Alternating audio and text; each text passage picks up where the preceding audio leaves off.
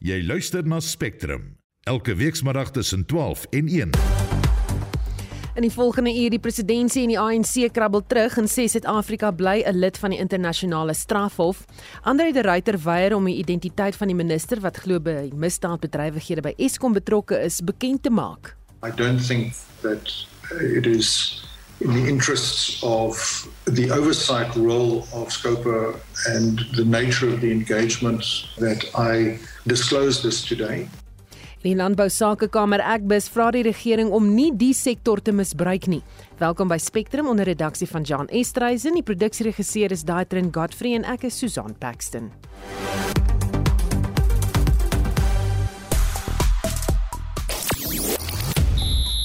Dis die voorraan van die begin van die nasionale netballiga waar die land se bestes 'n kans het om hand op te steek vir die wêreldbeker op tuisbodem. Faf du Plessis is die losvoorloper wat dit lopies betref teen die IPL se halfpadmerk en die voormalige rugbybaas Yuri Roo sal moet uithaal en wys 37 miljoen keer. 'n Volledige bulletin volg net na 12:30. Van die temas waar almal op sosiale media praat is Fikile en Balula, dit na die aankondiging dat die land uit die internasionale strafhof gaan bedank. Dis beamoed die president en toe vanoggend deur beide die ANC en die presidentsie weer teruggetrek en ontken met die woorde dat die dokumente verkeerd geïnterpreteer is. Ons berig breedvoerig daaroor later in die program.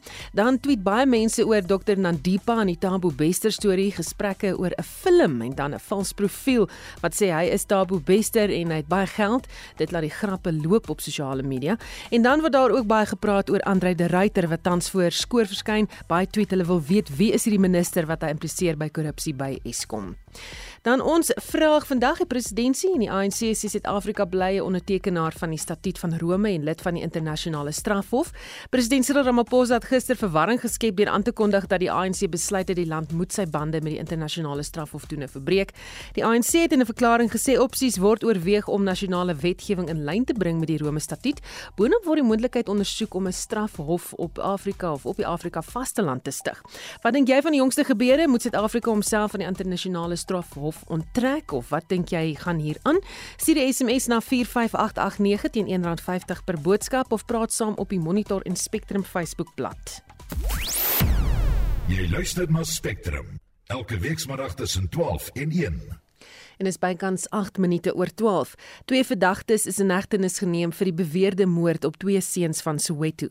Die verminkte liggame van Tiamo Rabanye en Mududuzi Nkobizita Zulu is verlede donderdag tussen White City en Rockville gevind. Hulle was onderskeidelik 5 en 6 jaar oud.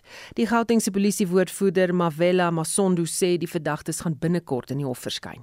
The team that was established by the provincial commissioner of the police in Gauteng Lieutenant General Elias Mawela to investigate the murders of Chiamo Rabanye and Mduduzi Ngobizita Zulu have cracked the case with the arrest of a 50-year-old woman and her 39-year-old partner. Yesterday, the 25th of April 2023, following a forensic investigation at the boys' homes, the team brought in two suspects for questioning. The duo has since been charged with murder. They will appear before the Protein Magistrate Court on Friday, the 28th April 2023. En dit was eh, Mavela Masondo, die Gautengse polisiewoordvoerder. Soos jy vroeër in die nuus gehoor het, het die presidentsie beklemtoon dat Suid-Afrika 'n ondertekenaar van die Rome Statuut bly. Die presidentsie sê in 'n verklaring Suid-Afrika sal hom steeds beywer vir gelyke en voortgesette toepassing van internasionale wetgewing. In die verklaring word gestel dat die ANC gefouteer het in sy verklaring gister dat die ANC besluit het om aan die internasionale strafhof te onttrek. Die presidentsie sê tydens die ANC se nasionale konferensie in Desember verlede jaar is daar afstand gedoen van 'n vroeëre besluit om aan die internasionale strafhof te onttrek. Ons praat nou met 'n politieke ontleder verbonde aan die Universiteit van Pretoria, Roland Henwood. Goeiemiddag Roland. Goeiemiddag Susan. Wat is jou reaksie op die flater van die regerende party en die president gister?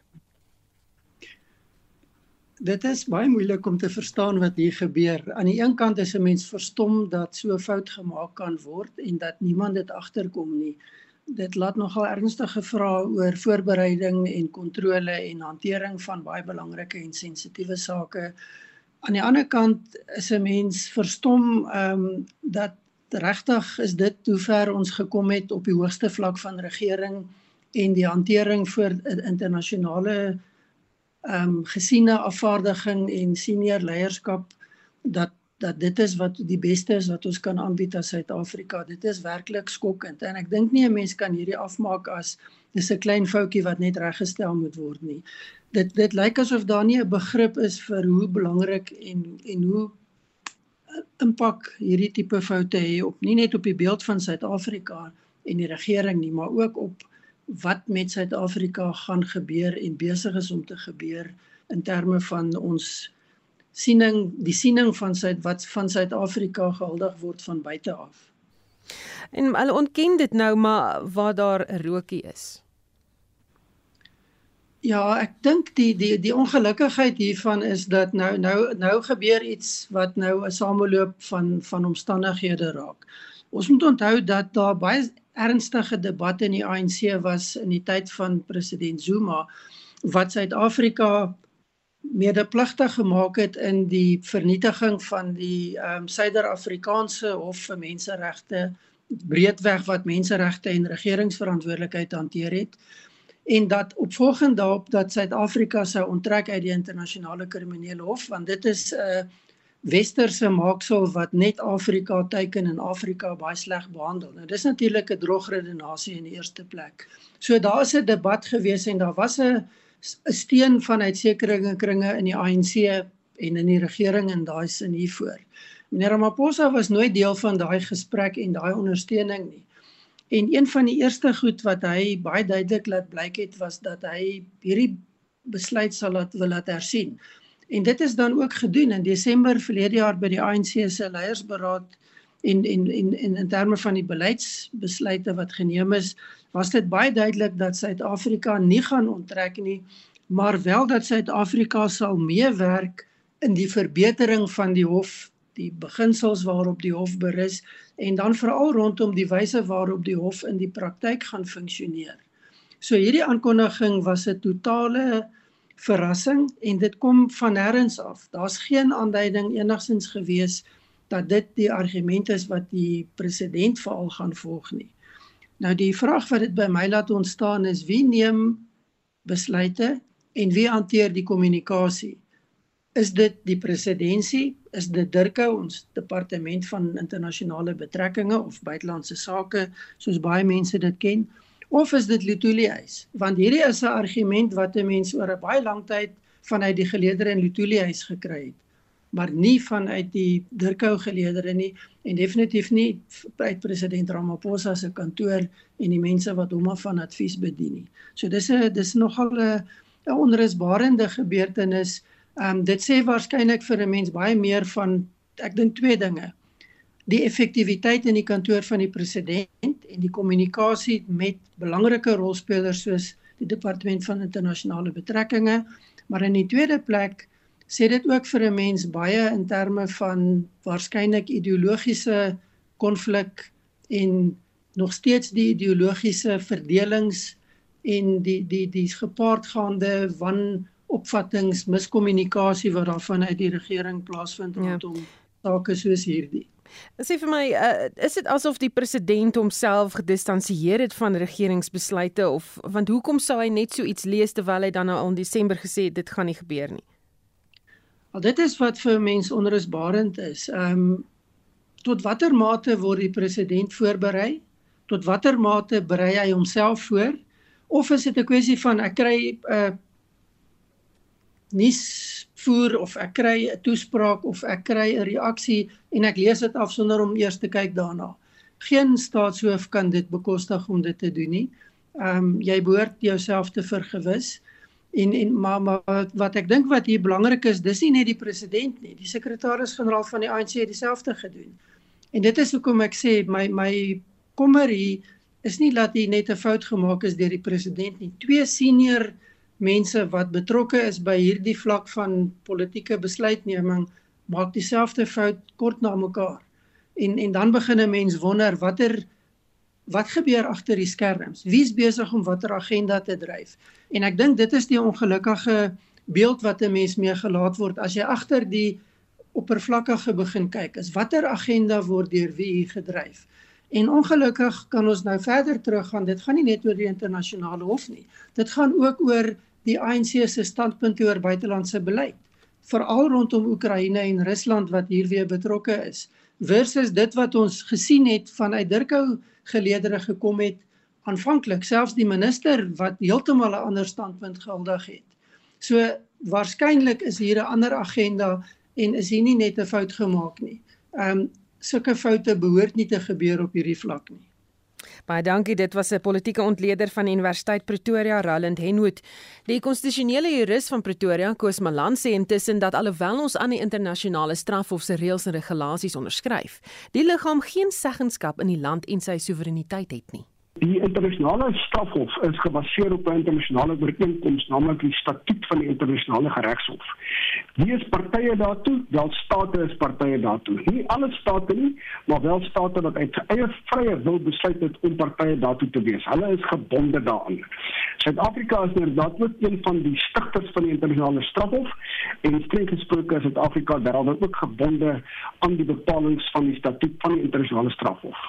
Maar nou jou vraag indien 'n staat, meer bepaald 'n nuwe regering, nie voldoen aan die bepalinge van die statuut nie, is daar streng gesproke van 'n juridiese oogpunt beskou geen werklike sanksie nie. So as die Suid-Afrikaanse regering onder die beheer van die ANC besluit om nie gehoor te gee aan sekere bepalinge van die statuut van die strafhof nie, wanneer hy byvoorbeeld nie vir president Putin op sy besoek in Suid-Afrika sou arresteer en uitlewer aan die strafhof nie, is daar streng gesproke van 'n juridische oogpunt niks wat kan gebeur nie. Daar's geen werklike sanksie nie. Geen spesifieke juridiese sanksie nie. Ja, daar is politieke gevolge, maar daar's geen regsgevolge nie. Die regsgevolge is so eenvoudig dat uh, Suid-Afrika kan voortgaan om 'n regte prosedure volg in Suid-Afrika self om uit die strafhof te onttrek en daarna as hy die strafhof onttrek en hy aan geen verdere verpligtinge gevolge die statuut van die strafhof gebonde nie. Maar op hierdie stadium, ook selfs wanneer hy steeds 'n lid van die strafhof is en hy versuim om dit na te kom, is daar niks wat daan gedoen kan word nie. Die president van die land Ramaphosa of die minister van buitelandse sake of wie ook al kan nie gearresteer word en gedaag word om voor die hof te verskyn of om voor enige ander tribunaal te verskyn om verantwoording daarvoor te doen nie. Is daar dan enige rede hoekom 'n land dan aan 'n liggaam soos die internasionale strafhof uh, moet of wil behoort? Dit is nie 'n regsbesluit nie. In 1998 toe die strafhof se statuut werklikheid geword het, was daar in die internasionale politiek in die algemeen baie groot optimisme dat die werking van die internasionale politiek en meer bepaald die voer van oorlog toenemend onder internasionale bindende reëls gebring kan word.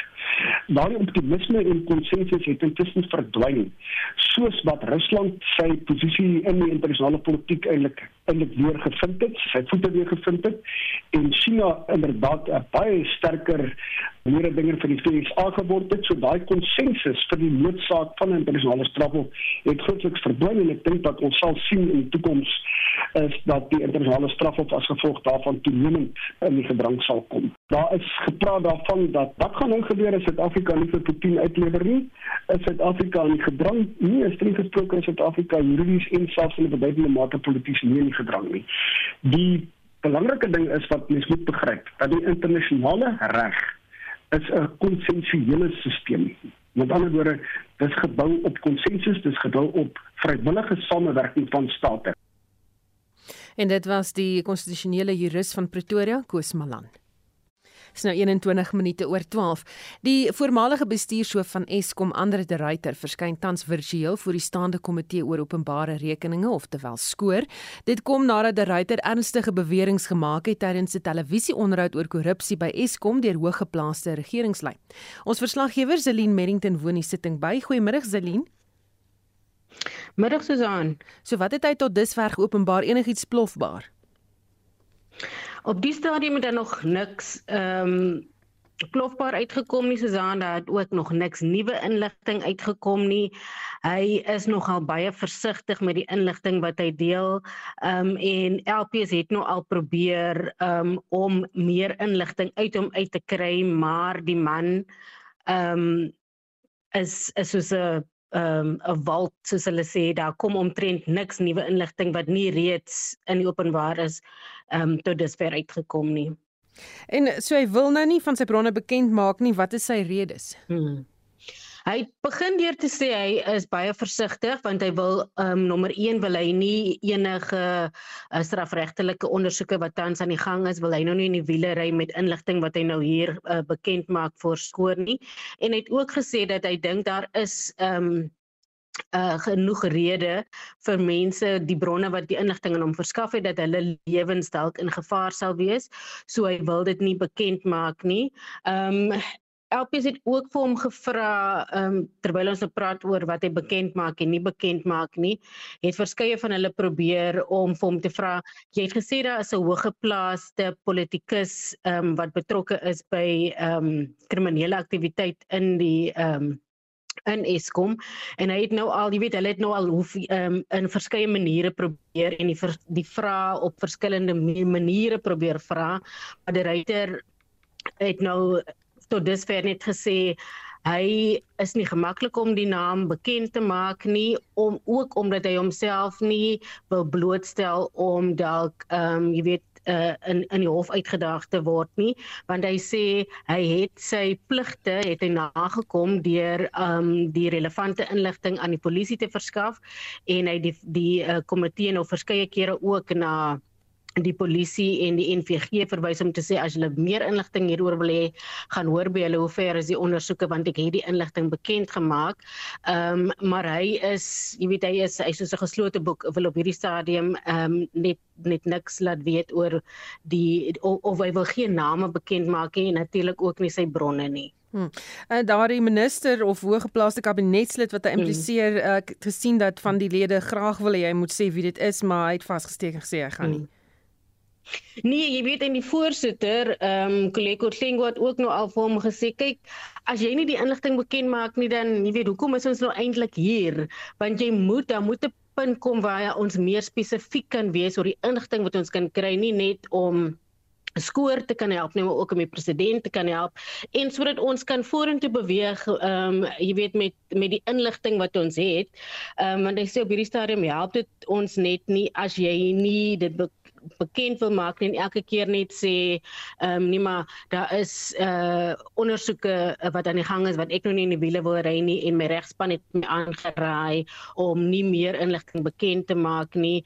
So jy weet op op uh, Veronica Mente van die EFF het later aan gesê maar miskien moet ons ehm um, iets anders probeer want die parlement het ehm um, is daartoe in staat om jou so 'n soort van hulle kan jou byvoorbeeld dagvaar en dan moet jy nou 'n eet af lê voor die komitee begin en so aan. En hulle kan natuurlik ook ehm, 'n um, sitting in kamera hou as dit nou nodig is want die ryter behalwe dat hy ehm um, nou sê hy wil nie ondersoeke in die wiele ry nie en hy wil homself nou nie impliseer nie.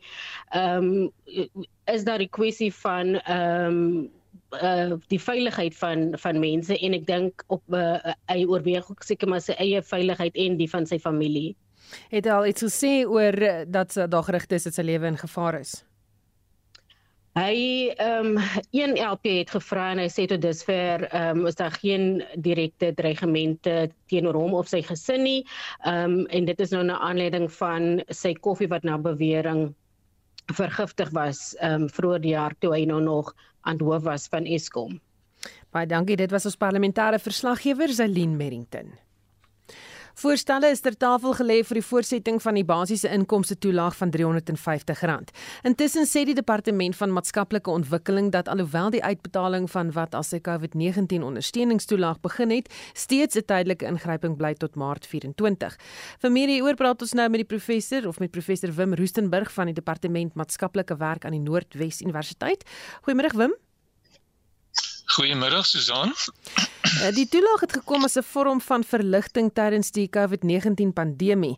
Is dit dus nog nodig? Ehm um, dit is 'n uh, ongelukkig een van die van die probleme as mense dit so kan noem dat as jy eers begin om 'n uh, om 'n toelaag te gee, dan is dit ook baie moeilik om dit te stop. Dit is te, vir verskeie redes, vir etiese redes, ehm um, die feit dat mense wat wat reeds die toelaag ontvang uh, dalk nog dit nodig het. Jy weet dis baie moeilik om te bepaal kan ons dit stop en dit gaan definitief nie uh, gemaklik wees om dit sommer te stop nie. So ons uh, die voorsiening is dat dit sal eintlik nog maar voortgaan, maar in hierdie stadium blyk dit ook asof hierdie uh, basiese toelaag omskep kan word in 'n uh, uh, basiese inkomste toelaag sodat dit eintlik 'n permanente verskynsel in die Suid-Afrikaanse samelewing gaan word. Hm. Hoe groot is die finansiële druk op huishoudings dat so iets 'n permanente instelling moet word?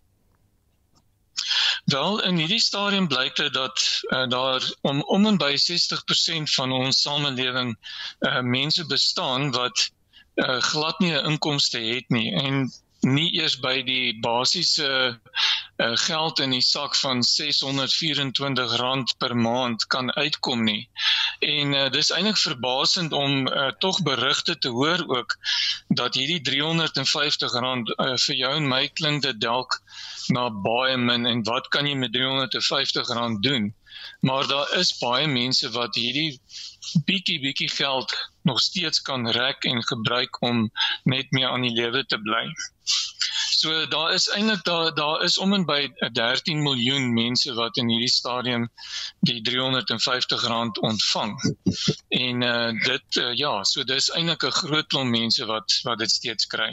So dis eintlik half um, onontbeerlik vir Suid-Afrikaners tans. Dit is definitief en as 'n mens nou dink daaraan dat uh, reeds sedert 1999 is die basiese inkomste toelaag al op die tafel en dan kom dit en dan gaan dit weer en dan is dit weer terug Ehm um, so dit dit bly iets wat eh, 'n uh, meganisme wat on, al lankal ondersoek word. Die interessante is dat dit nog nooit werklik uh, bekostigbaar was uh, vir Suid-Afrika en dat daar nog altyd begrotingstekorte was wat eintlik maar veroorsaak het dat dit uh, dat dit nie kon gebeur dat dit nie kon um, in werking gestel word. So die die R350 wat tans uitgedeel word moet eintlik nie gesien word as dat dit die basiese inkomste toelaag is nie. Dit is uh, uh eintlik maar net 'n uh, tydelike toelaag en um, wanneer dan die basiese inkomste toelaag in werking gestel sou word, uh sou sal 'n uh, uh, uh, groter bedrag eintlik daarvoor bewillig moet word. Um, daar word gekyk na om en by 1300 R35 per maand. Uh, daar word ook dan gesê dat as jy al jou bankkoste en dies meer aftrek dan dan is behoort dit net mooi genoeg te wees om daai R624 op te maak wat jy nodig het om basies te kan oorleef in Suid-Afrika. Sjoe. Baie dankie. Dit was professor Wim Roostenburg van die Departement Maatskaplike Werk aan die Noordwes Universiteit. Die landbousektor bly daartoe verbind om die land te verbeter, maar dan moet daar 'n betroubare regeringsvernoot wees.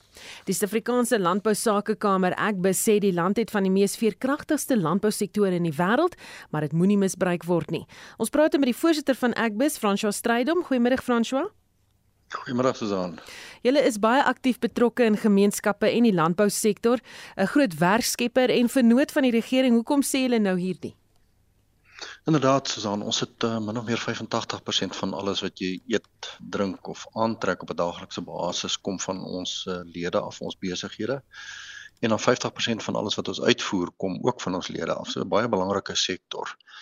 Ons ehm um, werk met die regering saam. Ons uh, jy moet as 'n besigheid moet jy voldoen aan uh, sekere regeringsvereistes, regulatoriese vereistes en ehm um, ons sit nie op die kant en skree nie. Ons ons werk aktief aan die toekoms van Suid-Afrika. Die probleem is Susan dat uh, dit 'n soort van die deurlopende tema wat jy vandag by mense hoor. Uh, die regering en spesifiek die ANC faal in elke manier en ons kan nie ehm um, sit en toe kyk hoe dit gebeur hoe ons land uh, jy weet stukkie vir stukkie vernietig word infrastruktuur vergaan hoe daar kriminaliteit en en uh, boewery weet binne regeringsstrukture plaasvind terwyl ons lede toenemend ehm um, jy weet die die rekening daarvoor moet betaal nie ons ons lede en hulle klante is mm. toenemend verantwoordelik vir die infrastruktuur vir veiligheid ehm um, vir konnektiwiteit nou vir ehm um, kragopwekking Ehm um, ons kan nie die hele tyd verdedig nie. En soos ander sektore sê ons vir die regering, ehm um, jy weet ons kom op 'n punt wat ons nie langer kan sit en toe kyk nie. Ons ons ons sal moet ander stappe begin neem. Voel julle julle word misbruik deur die regering? Kyk, ek dink die meeste Suid-Afrikaners voel so. Uh, wat uh, Suid-Afrikaners wat belasting betaal, wat ehm um, wetsgehoorsaam is, voel dat die regering amper, jy weet die Engelse woord is 'n 'n 'n entity on its own. Ek dink hulle hulle verstaan nie meer wat hulle plig is nie. Ek dink nie hulle verstaan meer waarvoor hulle daar is nie. Hulle neem hulle dink dat die land aan hulle behoort met uh, in in onlangse verklaringe sê die regering dat hulle het iets geërf asof dit vererfbaar is. Die land is nie vererfbaar aan iemand nie. Dit behoort aan die inwoners van Suid-Afrika, aan die besighede, aan die instansies en jy moet uh, optree op daardie basis. Ek dink daai skeidslyn word uh, word nie meer gerespekteer deur uh, meeste besighede voel dat hulle vir daardie rede misbruik word. Julle is ook bekommerd oor die land se standpunt ten opsigte van die oorlog in Oekraïne en hoe dit die landbousektor kan beïnvloed. Waarvoor is julle bang? Soos as aan jy uh, om besigheid te doen met klante, jy weet, neem 'n geweldige lang tyd ooreenkomste vereistes, um vertroue. En jy kan nie sommer net afstap daarvan en met nuwe mense um en organisasies en lande begin besigheid doen. So is geweldig baie geld in balansstaat en tyd geïnvesteer in ons bestaande uitvoerbestemmings. Onthou die regering moet dit moontlik maak vir Suid-Afrikaanse besighede om te opereer. Hulle baie versigtig wees hoe hulle hulle self plaas. En ek dink, jy weet, die hele ding wat sopas met die strafhof uh die laaste 24 uur gebreek het sê net dat die regering dit nie meer met respek en in belang van Suid-Afrika en sy sy inwoners en sy besighede doen nie. Hmm. Wie moet hierdie hoor? Met wie gaan julle praat hieroor?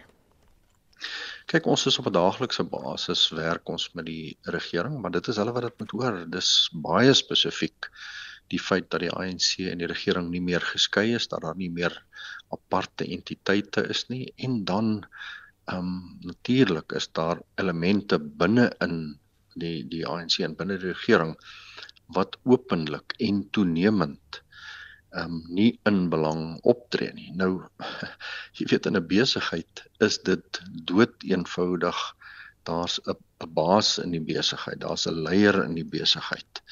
En die leier ehm um, in hierdie hoedanigheid is die president en hy moet opstaan en ehm um, optree soos wat 'n president veronderstel is om op te tree.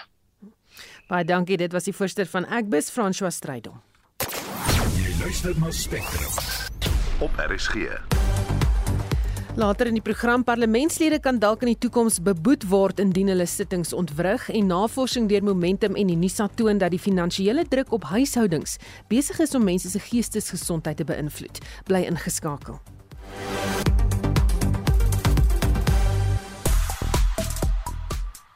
Nou ons gesels dan nou ook uh, vandag oor eh, 'n uh, klomp dinge hier op die program. Lyk like dit vir my maar ons presies gesels oor die presidentsie en die ANC wat sy sê Suid-Afrika bly ondertekenaar van die statuut van Rome en 'n lid van die internasionale strafhof. Ek sien dat Julius Malema intussen op sosiale media gesê het, mm -mm, hy dink ons moet onttrek want uh, hulle het nog nooit regtig kriminele wat die wêreld iets aangedoen het vervolg nie.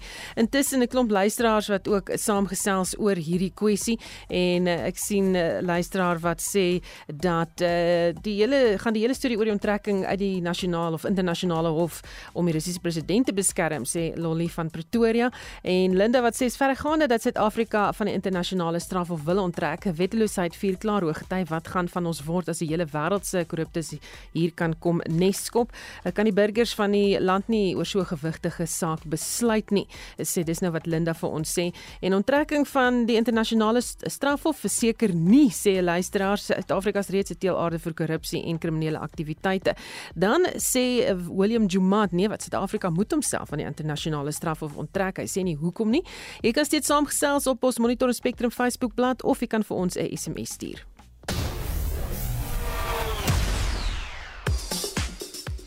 Ons praat nou met Oudo Karelse oor die jongste sportnuus. Goeiemiddag Oudo. Middag Susan. Dis die voorhand van die begin van die nasionale netballiga waar die land se beste se kans het om 'n hand op te steek vir die wêreldbeker toernooi op tuisbodem. Ja, die Telkom Netbal Liga begin môre waar die Suid-Afrikaanse kaptein uh, Bongium Sommi en haar span die Gauteng Golden Fireballs 'n tweede agtereenvolgende titel soek. Met met die sport van netbal gaan die gaan dit tans uiters goed want uh, nie net is Suid-Afrika in Julie gasheer vir die Wêreldbeker nie, maar die inhuldiging van hierdie jaar se nasionale liga het gepaard gegaan met 'n aankondiging dat die liga vir 'n verdere 3 jaar geborg gaan word. Die eerste been van die kompetisie vind vanaf môre oggend plaas in Polokwane met die hoof wedstryd wat 6 uur die aand plaasvind waar die Fireballs se verdediging van hul titel afskop teen die vyfmalige kampioene die Jaguars. Faf du Plessis is uh, die losvoorloper wat die lopies betref in die IPL se halfpad merk. Ja, kyk as hierdie man teen nou al nog nie 'n uh, 'n uh, vergadering vasgemaak het met Cricket Suid-Afrika nie, dan weet ek nie die voormalige Protea kaptein is die lospoorloper soos jy sê. Uh, hy het reeds 405 lopies in sewe wedstryde aangeteken teen 'n gemiddelde telling van byna 58. Die uh, Suid-Afrikaanse gebore Devin Conway, hy is in tweede plek met aansienlik minder lopies, 314 is uh, wat hy aangeteken het. Nou vandag speel Faf se Royal Challengers Bangalore teen die Kolkata Knight Riders RCB is in 5de plek, die Knight Riders tweede laaste. In cricket aan die gang is dit dag 3 van die toets tussen Ierland en Sri Lanka wat al hoe meer op 'n gelykop uitslag afstuur. Gister het Ierland se eerste beurt op 492 lopies almal uitgesluit. Suid-Afrika of liewer Sri Lanka kolf tans en uh, die jongste telling daar, hulle sit tans op 357 vir die verlies van een paaltjie uh en Nishan Madushka die aanvangskol hy sit op 149 nie uit nie. Dis sy heel eerste toets 100 taal dan die voormalige rugbybaas Yuri Roo sal moet uithaal en wys waaroor gaan dit Ja, dit lyk onvermydelik dat die voormalige uitvoerende hoof uh, van beampte van SA Rugby 37 miljoen rand sal moet opdonk nadat die Wes-Kaapse Hooggeregshof teen hom beslis het in sy saak teen Universiteit Stellenbosch. Nou Roo is in 'n auditverslag daarin skuldig bevind dat hy 37 miljoen rand van die universiteit se finansies op 'n onreëlmatige manier oorbetaal het aan Maties Rugby toe hy nog die inrigting se finansies bestuur het. Die saak is al deur arbit uh, deur 'n arbitrasieproses wat Roo ook verloor het en moes boonop regskoste dek daar. Uh sy volgende opsie Susanne is die appelhof in Bloemfontein, maar is onduidelik of hy hierdie opsie sal uitoefen of eenvoudig net 'n skikking sal bereik om die geld terug te betaal. SA Rugby het ook vandag aangekondig dat die huidige afrigspan, Zwandile Stick, Dion Davids, Dan Himan en Andy Edwards almal nuwe 4 jaar kontrakte onderteken het. Hoofafrigter Jacques Ninaber en sy assistent Felix Jones sal natuurlik na die Wêreldbeker aansluit by Leinster. En net vinnig 'n bietjie sokkernuus, Arsenal en die span wat nog kans het om hulle in te haal, Manchester United, dis die groot wedstryd van die dag. Uh, hy begin om 9 uur vanaand net 5 punte skei die twee spanne van mekaar en City het boonop nog twee meer wedstryde oor as Arsenal. Uh, in ander wedstryde, Nottingham Forest speel ook teen Brighton terwyl Chelsea tuis is teen Brentford. Hierdie wedstryde begin 8:30 vanaand en West Ham is tuis teen Liverpool met die wedstryd wat kwart voor 9 gaan afskop. Net was Udo Karelse van ons sportredaksie. Jy luister na Spectrum. Elke weekmiddag tussen 12 en 1. Ekonomiese nuus: Suid-Afrikaanse huishoudings is desperaat om finansiële druk van hulle skouers te verlig, maar bitter min slaag daarin. Dit is so erg tans dat dit mense se geestelike welstand ook begin beïnvloed. Dis van die jongste bevindinge van die Momentum Unisa Verbruikers Finansiële Welstand Indeks wat bekend gemaak is. Ons praat nou met Johan van Tonder, finansiële welstandsekonoom by Momentum hier. Goeiemôre Johan. Goeiemiddag, hoe gaan dit? Met my gaan dit goed, maar hoe het hierdie indeks vertoon?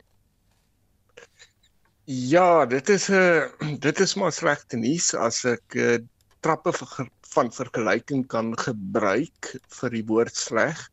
En ons praat van sleg, slegter, slegste, dan is ons nou op sleg. Want ons was in die vorige kwartaal, die 4de kwartaal was ons op slegter maar dit is nog steeds sleg want die indeks het daarom so titseltjie verbeter van 47 punte na 49.1. So dit is nog steeds sleg en ja, dit gaan nie baie goed met verbruikers al buite op hierdie stadium nie. So hoekom is die druk op verbruikers so groot? Wel, dit is 'n kombinasie van faktore. In die eerste plek het salarisse het nie tred gehou met die stygings in pryse nie en rentekoerse het toegeneem en ons weet ons het die hele tyd om beerkrag wat uh, besig is om te vererger en mense kry nie werk nie. Uh, armoede vier hoogtyd nog steeds en dan is daar nog steeds die ongelyke verdeling van inkomste. Daar is 'n uh, eintlik 'n magdom van faktore wat daartoe bydra dat verbruikers op hierdie stadium nog steeds slegter daartoe is as wat hulle was 'n jaar gelede. Hmm. Daar's 'n vier sub-indekse waarna jy kyk, hoe hulle vertoon. Ja, uh, dit is eintlik die klein bietjie goeie nuus. Die al vier indekse het effens verbeter. Die inkomste indeks, die bestedingsindeks, spare en skuld terugbetaling. So almal is 'n klein bietjie beter, maar ehm um, nie noemenswaardig sodat ons kan sê dat verbruikers nou in 'n goeie situasie of 'n gemaklik gemaksone is nie. En as ons nou kyk waarom dit verbeter het, wel die hoofrede is maar eintlik verbruikers het agtergekom pryse styg net te veel en hulle kan net soveel met hulle geld doen. So hulle het in die eerste kwartaal skerp begin terugsny aan uitgawes aan aan besteding aan allerlei goedere en dienste met die gevolg hulle uitgawes is nou baie nader aan hulle inkomste as ons nou kyk na 'n tipiese begroting maar dit oorskry in die meeste gevalle nog steeds inkomste hoewel nou net nie meer soveel as in die 4de kwartaal van verlede jaar nie Hmm. As ekonomie of ekonome eerder wat na die syfers kyk gewoonlik, is dit vir my nou interessant dat jy self hier oplet na mense se geestesgesondheid wat as gevolg van hierdie druk, jy weet, onder druk is. Wat het julle gevind? Ja, dis eintlik ehm um, 'n ding wat al lank al uitspeel, maar nou al erger begin raak en ek as mense nou maar net gaan kyk in die ekonomie normaalweg wat gebeur in 'n ekonomiese resessie of 'n tipiese sterk afswaai is dat dit uiteindelik 'n impak het op mense se gees, geestesgesondheid. Ehm um, wat werklik gebeur is die kommer, die finansiële kommer is besig om soveel van die spasie in jou sal ek maar sê in jou brein op te gebruik dat jy net nie kan sien of net nie soveel aandag kan gee aan al die ander belangrike goed nie. Ons noem dit 'n tipe van tonnelvisie. Jy tonnel soveel op jou finansiële probleme dat jy dinge buite die tonnel nie raak sien nie en en die impak wat dit kan hê is dat dit uiteindelik tot depressie kan lei en depressie self het weer ander gevolge en en daai ander gevolge lei ook tot verkeerde finansiële besluite. So ja, dit is dis besig om mense regtig te impakteer en in 'n al groter mate. Baie dankie, dit was Johan van Tonner, 'n finansiële welstandsekonoom by Momentum. Jy luister na Spectrum. Op RSG. Voor ons gaan verder gaan met die volgende storie. Ek sien Marjorie laat weet op die N1 30 km na verkeerde vlei Tollek rigting Johannesburg te vragmotor omgeslaan en hy het aan die brand geslaan is in in die linkerbaan en die verkeerspolisie is op die toneel. Dankie vir die inligting Marjorie. Strenger optrede en selfs boetes teen gereelde ontwrigters in die parlement. Dis waarvoor die ANC se adjunk hoofsweep daar is Lakudi vra. Gemoedere het gister hoog geloop tydens 'n vergadering van die gesamentlike reëlingskomitee oor die hersiening van regulasies om orde tydens gesamentlike sittings van die parlement te kan handhaaf. Die EFF lid van die komitee, Mabatu Mokasi, sê die voorgestelde raamwerk is eensaidig. The Speaker says she suspended the plenary owing what she considered to be an escalating situation with the reasonable prospects of violence and serious disruptions as a result of EFF members resisting to be removed. Yet on her closing remarks says the disruption was such that it sought to hinder the commencement of the proceedings. Which is which there? Because it is clear that even her presentation, even her argument, she doesn't know what she's talking about. We're dealing with a confused presiding officer here who's constantly suppressing members of the EFF Ons praat nou verder hieroor met die dekaan vir sosiale innovasie aan die Huguenot College professor Erwin Swela. Goeiemôre Erwin. Middag Susan en middag aan die luisteraars. Ons het nou pas gehoor wat die EFF lid gesê het oor die spreker en sy het nou verwys as 'n verwarde voorsittende beampte oor hoe sy EFF lede tydens die staatsrede tereggewys het. Ehm um, het sy punt beet? Uh sy het nie 'n punt beet nie in die sin dat daar is 'n bepaalde verwagting by die grootste gedeelte van ons goeie landsburgers dat ons parlementêre leierskap en dit sluit al die politieke partye aan met 'n met 'n basiese vorm van ordentlikheid en uh, regverdigheid sal optree op 'n manier wat getuig van gesprek en debat en rasionele oorwegings. Die EFF is bekend daarvoor dat hulle hierdie grense gereeld oorskry meestal met die idee om daar uit politieke voordeel deur 'n vorm van publisiteit te kry en 'n klein groepering van ons mense op een of ander manier daarmee te lok tot hulle strategie. So ehm um, die die die die speaker is is is nie volmaak nie en sal ook nie volmaak wees nie. Maar onder bepaalde omstandighede is die hele instelling van die parlement wat bekleed moet wees met 'n bepaalde soort waardigheid. Noodsaak optrede teen 'n uh, optredes en gedrag wat doodgewoon mm. lyk na forme van van van intimidasie en boewery. Sal dit help as gereelde oortredes soos die EFF beboet word? Sal dit hulle afskrik? Menslike gedrag uh, word beïnvloed deur belonings as 'n vorm van van 'n uh, insentiewe vir beter gedrag en in bepaalde omstandighede ook deur 'n uh, straf wat uiteindelik dan nou negatiewe of onbehoorlike gedrag ook op een of ander manier uh afkeurend in 'n uh, bestraf.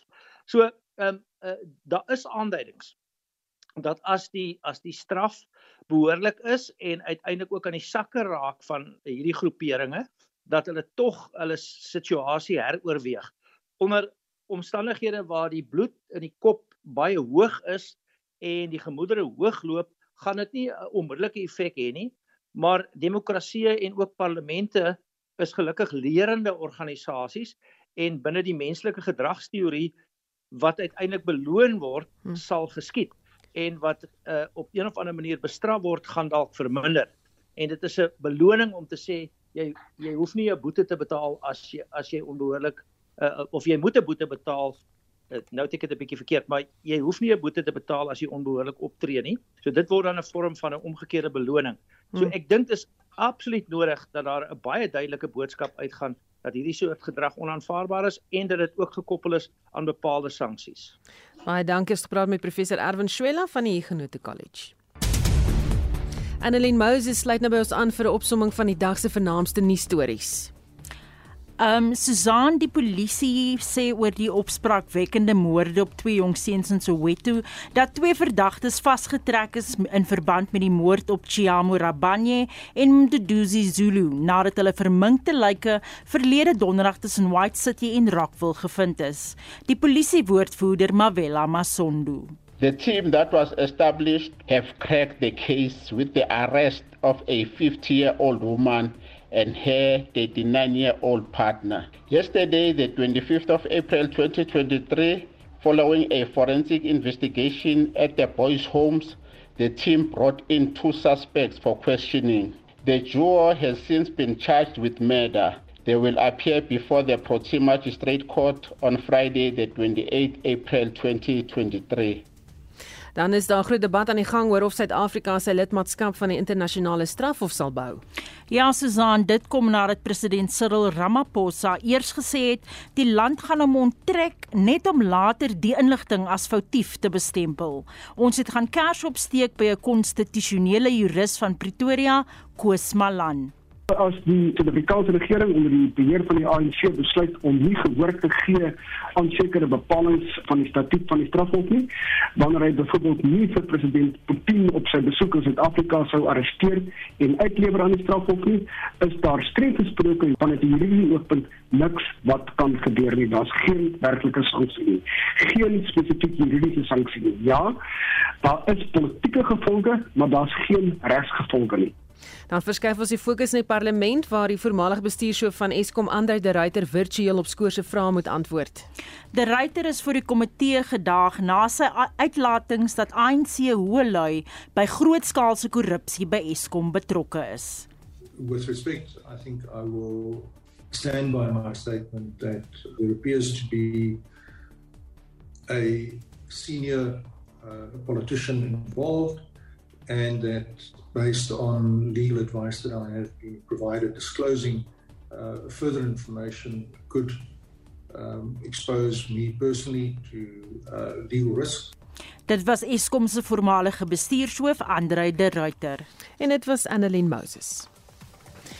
Goed, luisteraar, laat weet daar's nog 'n probleem op die N1 is weer Marjorie 40 km buite Bloemfontein rigting Johannesburg, ook 'n vragmotor wat daar op sy sy lê, twee bane wat geblokkeer is en die verkeer beweeg oor na die aankomende bane. Die verkeerspolisie is op die toneel weer eens dankie Marjorie vir al hierdie inligting en dat jy vandag saamgepraat het. daarmee groet die Spectrum span. My naam is Susan Paxton.